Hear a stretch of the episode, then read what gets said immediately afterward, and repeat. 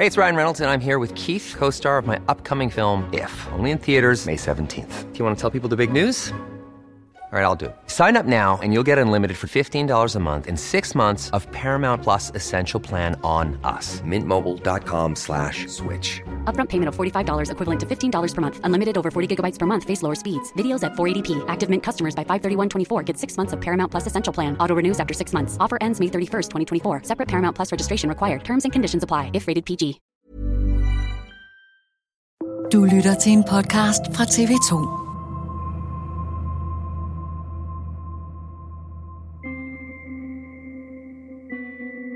Den første gang, hvor jeg virkelig tænkte meget over dødshjælp, muligheden for at få dødshjælp, det var, da jeg var sammen med min veninde, som havde brystkræft og var i de sidste måneder af sit liv, og havde så mange smerter, at hun var så vred over, at hun ikke kunne få lov til at dø. Hun var så forpint og havde det så dårligt, og hun skældte ud over, at hun ikke selv kunne få lov til at bestemme, hvornår og hvordan hun skulle afslutte sit liv. Det satte tankerne i gang.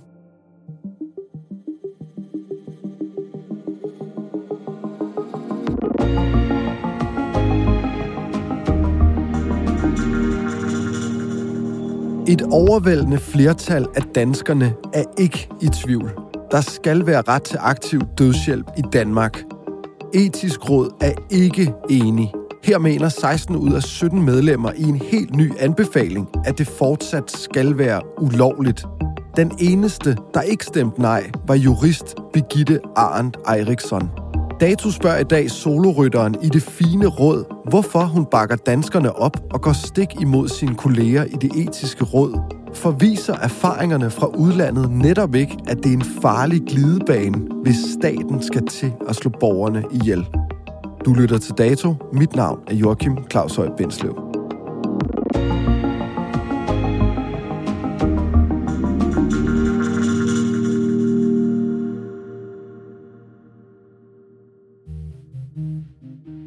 Overrasker det dig, Birgitte, at du er alene i etisk råd med det her synspunkt?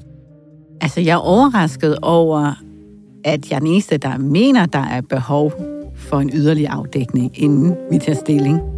Øh, men jeg er ikke overrasket over, at vi landede der, fordi jeg, det er jo noget, som vi diskuterer rigtig meget i etisk råd. Vi får en masse oplæg, både af personer, som er for og imod, og forskellige indsigter. Og så har vi jo mange altså langvarige drøftelser, vil jeg sige, ikke? frem og tilbage, hvor vi forventer drejet hver detalje. Så jeg kunne godt se, hvor det bare hen. Så det er ikke sådan, at jeg bliver overrasket i sidste ende. Men jeg er overrasket over, at, ja, at jeg kom til at stå alene ved et standpunkt, som jeg egentlig ikke synes er så problematisk, fordi jeg har jo ikke meldt ud, at jeg er for, for jeg ved ikke, om jeg er for. Jeg ved heller ikke, om jeg er imod. Jeg tror på, at det kan være muligt at finde en forsvarlig ordning. Og jeg så gerne, at vi havde en eller flere modeller, sådan mere konkretiseret, inden vi skulle tage stilling til det, fordi det er meget abstrakt ting, vi har taget stilling til indtil videre.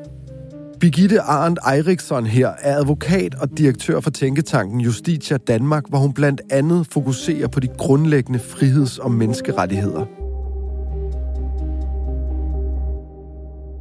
Jeg kan ikke lade være med at tænke på, da jeg så resultatet, og du var den eneste, så er, sådan, er Birgitte sådan en, der bare godt kan lide at indtage det ledige standpunkt?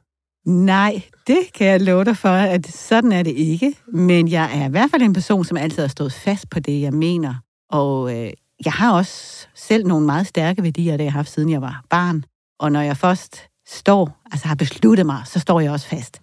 Men det betyder ikke, at jeg ikke kan rykke mig mange gange undervejs. Jeg har da fået mange oplæg i etisk råd, netop i forbindelse med det her emne, hvor jeg har vaklet og skulle tænke mig om, og er blevet klogere på nogle ting. Og, så det er ikke, fordi det har været nemt for mig at sige, det er der, jeg skulle lande.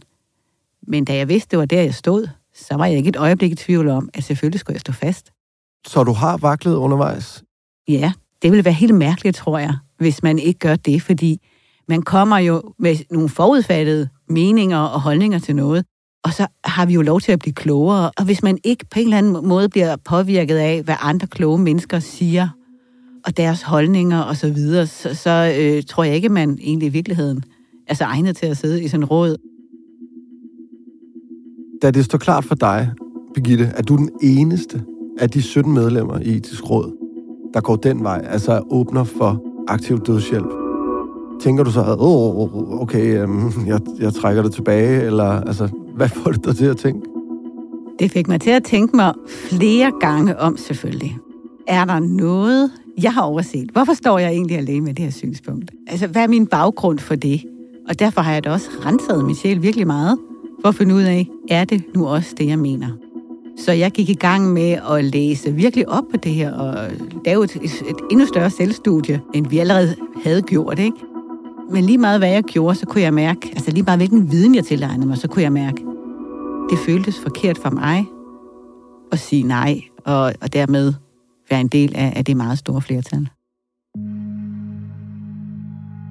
Det er ikke første gang, at det etiske råd er kommet med anbefalinger i forhold til aktiv dødshjælp. Faktisk er det blevet til et nej fire gange på 27 år. Senest var det op i 2012, og dengang var der kun to fortalere og 15 modstandere.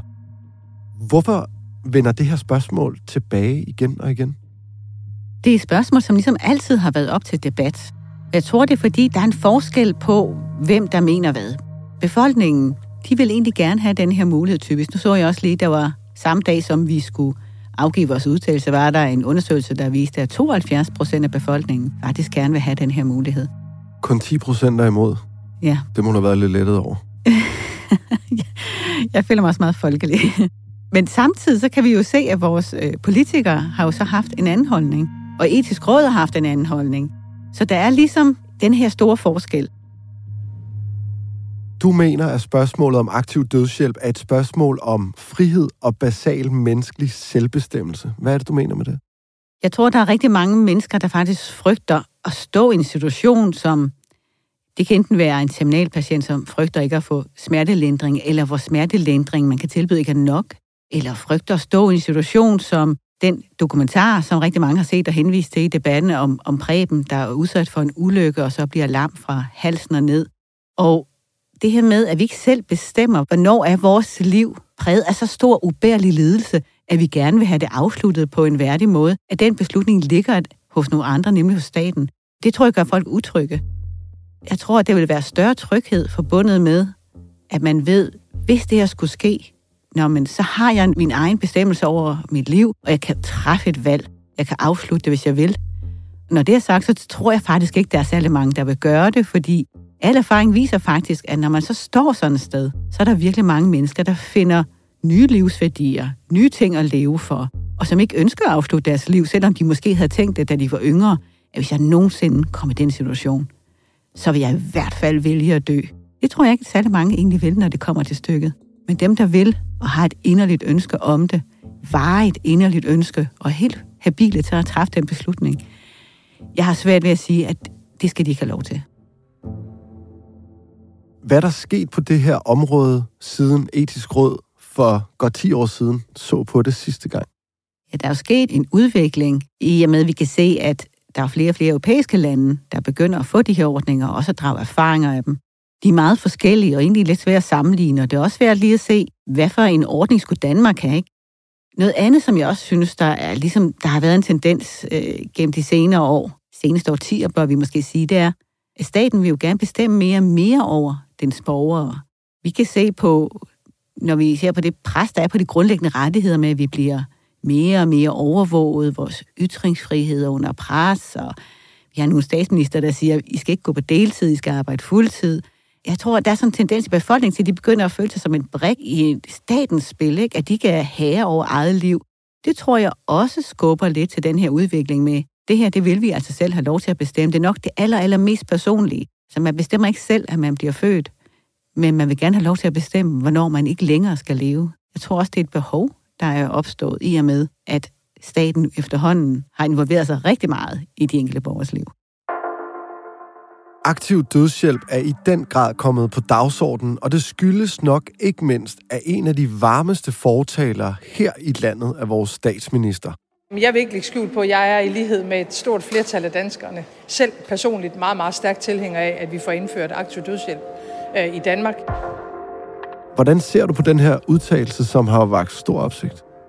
Jeg var faktisk lidt overrasket over, at den kom, må jeg sige. Især fordi, at vi var jo blevet bedt om i etisk råd at komme med en udtalelse, og så kom den her, mens vi sad og arbejdede. Det var jeg lidt overrasket over. Men øh, jeg tænker ikke, det er som partipolitik. Jeg tænker, det er en meget personlig holdning, hun giver udtryk for.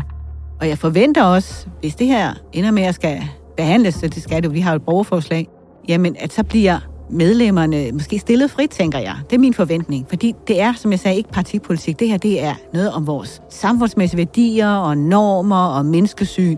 Og jeg tror, det er ret vigtigt, at man som folketingsmedlem får lov til at stemme efter eget hjerte.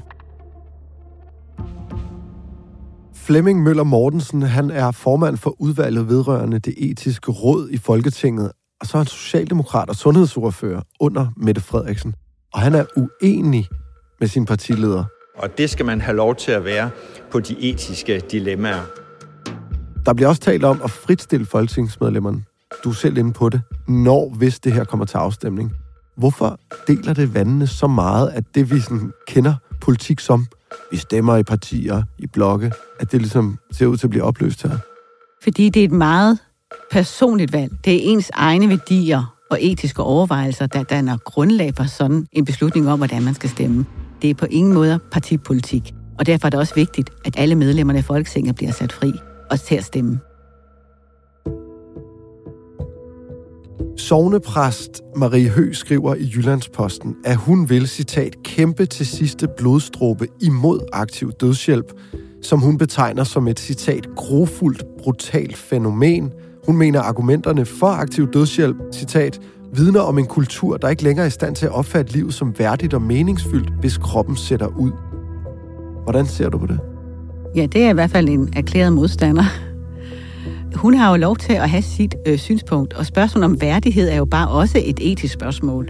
Der, man kan lige så godt vente den om at sige, det vil være etisk forsvarligt at sige, at man selv får lov til at bestemme det her, om man vil lide, enten øh, fysisk eller psykisk, eller hvad det er.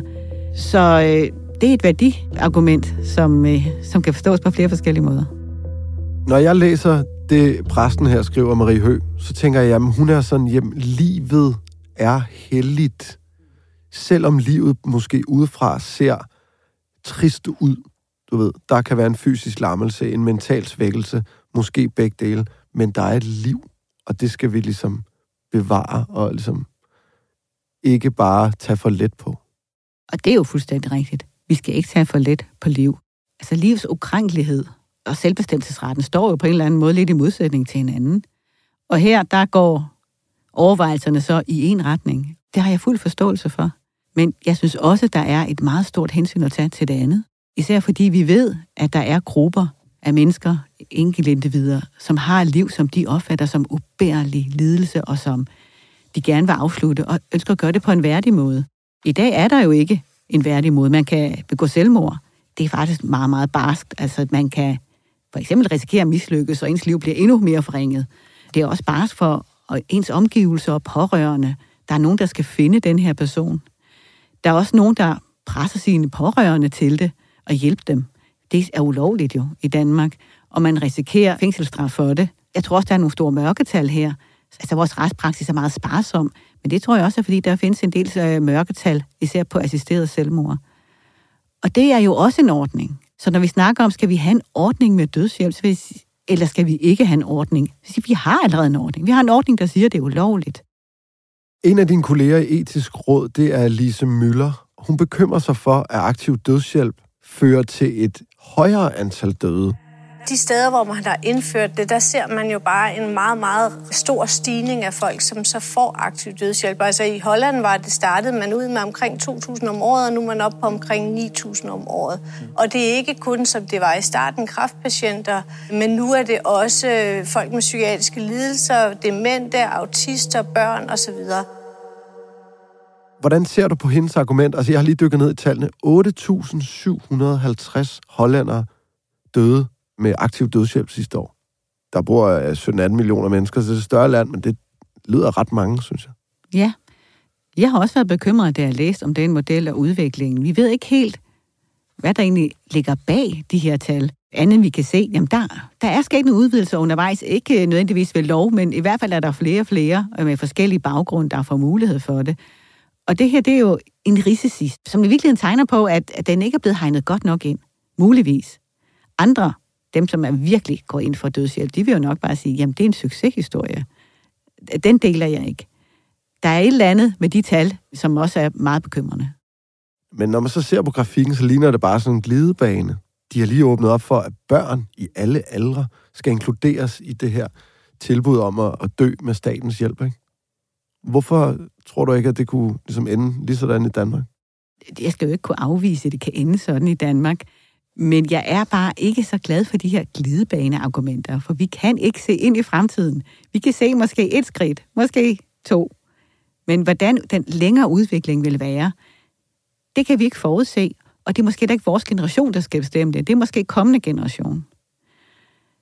Så øh, det gør indtryk, men øh, jeg har stadig en tro på, at det i princippet er muligt at få indhegnet det her tilstrækkeligt.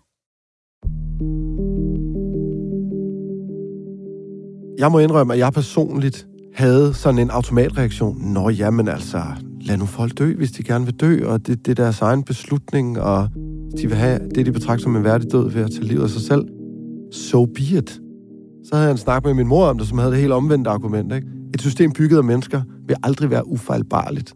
Og her har vi altså at gøre med liv eller død, hvor staten tager livet af folk. Hvordan ser du på det? ser jeg meget alvorligt på. Som det er lige nu, jeg er ikke fortaler for dødshjælp. Jeg er heller ikke modstander af dødshjælp. Jeg synes bare ikke, jeg er et sted, hvor det er muligt at afvise det. Måske kan vi hjælpe den her mindre gruppe, for vi skal huske, hvis vi ikke gør noget, jamen så er der også en gruppe, vi lader i stikken. En gruppe, som bliver ved med at leve de her ubærlige liv. Og det er jo også en udfordring. Så det er jo ikke sådan, at hvis vi ikke gør noget, så er problemerne løst. Lige meget hvad vi gør, så er der et problem. Hvordan skal vi afveje det? Jeg tror på et eller andet sted, at det er muligt at finde et system, hvor der er så meget kontrol og en så intens screeningsproces. Det kan være en proces, der kan tage lang tid. Jeg forestiller mig ikke, at man om mandagen indleverer en begæring om dødshjælp, og om onsdagen er man død. Jeg forestiller mig, at det her det er en ret langvarig proces, hvor man skal sikre sig en hel masse ting, inden det finder sted. Hvad er det, du er allermest bekymret over? Altså i forhold til, hvordan det her kan udspille sig i praksis. Altså vi har tre ud af fire danskere, der synes, det her er en god idé. Det er kun en ud af ti danskere, der siger det samme som alle de andre etiske råd. Nej, vi skal slet ikke tale om det, vi skal ikke diskutere det. Jeg var til en øh, debat for nylig, hvor jeg hørte om en person, der fortalte om, at hans mor havde fået dødshjælp i øh, et andet land. Og øh, da han blev spurgt til, jamen, hvorfor ønskede hans mor egentlig at dø, der sagde han, jamen 80 procent skyldtes helbredet, 20 procent skyldes, at hun ikke ville være til besvær og ikke havde fået den hjælp, hun havde behov for. Og det er jo lige præcis sådan nogle historier, som jeg synes er skrækindjagende. Øh, fordi vi skal have ret til at være til besvær, uanset hvordan vores liv lander. Det skal aldrig være sådan, at vi skal vælge livet fra, fordi vores velfærdssamfund ikke virker, eller fordi vores pårørende ikke har tid til os. Altså, det er jo kernen af velfærdssamfundet. Men fordi det også rammer mig i hjertet at høre om de skæbner, for hvem livet er ubærligt, så er det, jeg tænker, kan vi finde en ordning?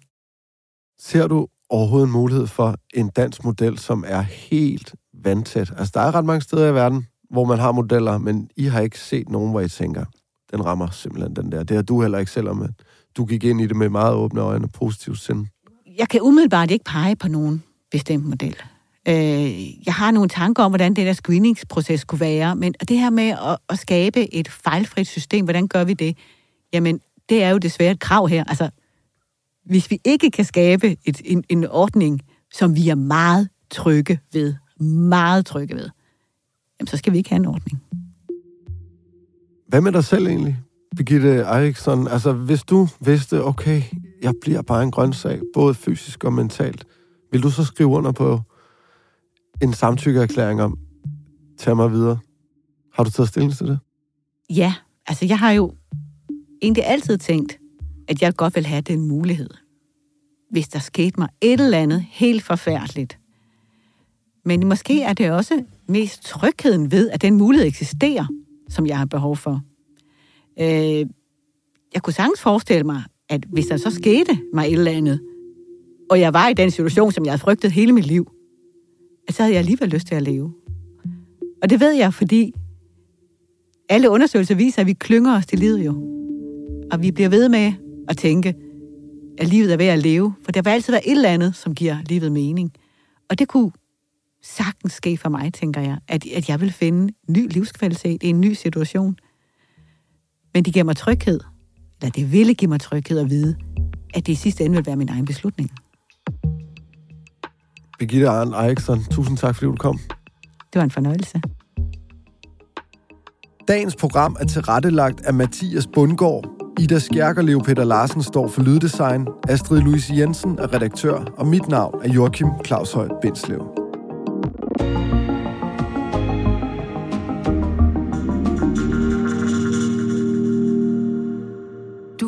lyttet til en podcast fra TV2. Hey, it's Danny Pellegrino from Everything Iconic. Ready to upgrade your style game without blowing your budget? Check out Quince. They've got all the good stuff shirts and polos, activewear, and fine leather goods, all at 50 to 80% less than other high end brands. And the best part? They're all about safe, ethical, and responsible manufacturing. Get that luxury vibe without the luxury price tag. Hit up quince.com slash upgrade for free shipping and 365 day returns on your next order. That's quince.com slash upgrade.